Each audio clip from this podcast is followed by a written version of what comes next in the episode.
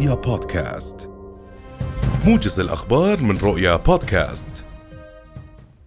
تبدأ اليوم أولى اجتماعات التحضير للقمة العربية الحادية والثلاثين في دورتها العادية في الجزائر على مستوى المندوبين الدائمين لجامعة الدول العربية.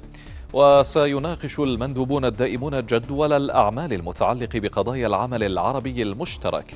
حيث سيترأس الوفد الأردني في الاجتماعات التحضيرية على مستوى المندوبين الدائمين. السفير الأردني في مصر والمندوب الدائم لدى جامعة الدول العربية أمجد العضايله قال الناطق الإعلامي باسم وزارة التربية والتعليم دكتور أحمد المساعفي قال إن مديرة التربية والتعليم في لواء البدية الشمالية الغربية لينا الزعبي قررت تعليق دوام الطلبة والهيئة التدريسية أو الهيئة التدريسية في المدارس الحكومية الفترة المسائية لليوم في المدارس التابعة للواء وأضاف المساعفي لرؤيا أن قرار الزعبي جاء بالتنسيق مع محافظ المفرق وذلك على إثر حالة عدم الاستقرار الجوي التي يتعرض لها الأردن حفاظا على صحة وسلامة الطلبة والمعلمين والإداريين. وأشار إلى أن تعليق الدوام يشمل أيضا المدارس الموجودة في مخيم الزعاتري للاجئين السوريين للفترة المسائية. هذا وتبقى المملكة اليوم تحت تأثير حالة من عدم الاستقرار الجوي حيث تظهر الغيوم على ارتفاعات مختلفة وتسقط زخات من المطر في المناطق الشمالية والوسطى والشرقية من المملكة تكون غزيرة أحيانا ومصحوبة بالبرق والرعد وتتساقط حبات من البرد. وأهابت مديرية الأمن العام بالمواطنين ضرورة أخذ الحيطة والحذر وضرورة انتهاج السلوك السليم خلال حالة عدم الاستقرار الجوي التي تؤثر على المملكة. ودعت المديرية السائقين إلى ضرورة التأني أثناء القيادة تفاديا لحوادث السير نتيجة الانزلاقات على الطرق بسبب الأمطار وضرورة الابتعاد عن جوانب الأودية وأماكن تشكل السيول وبخاصة القاطنين في البيوت المتنقلة.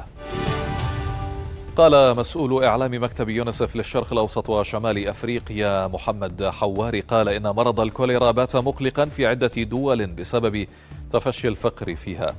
وأضاف حواري في حديث لأخبار السابعة اليوم أن الوصول إلى المياه النظيفة أمر صعب مشيرا إلى أن هناك حالات وفاة مرتبطة بالمرض إذ إنه ينتقل بسرعة نتيجة تنقل الأشخاص ونقل المياه مشددا على أهمية التوعية بخصوص مخاطر المياه والأغذية غير النظيفة كونها تعتبر السبب الرئيس في نقل المرض وبالتالي انتشاره.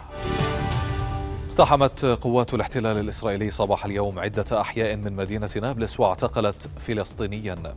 وحاصرت قوات الاحتلال منزل عائلة الشهيد الشيشاني في الحي النمساوي.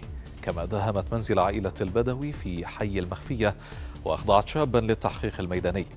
وأعلنت مديرية التربية والتعليم في نابلس عن تأخير الدوام ساعة واحدة بسبب اقتحام الاحتلال لأحياء عدة من المدينة. توقع مسؤول أوكراني كبير أن تخوض بلاده وروسيا أشرس المعارك في إقليم خرسون الجنوبي الاستراتيجي الذي تسيطر موسكو على جزء منه قائلا إن الجيش الروسي يستعد لمواجهة القوات الأوكرانية المتقدمة. وتعد مدينة خرسون عاصمة الإقليم الذي تحمل اسمه أكبر مركز حضري لا تزال روسيا تحتفظ به منذ الاستيلاء عليه في وقت مبكر من الحرب في أوكرانيا قبل ثمانية أشهر.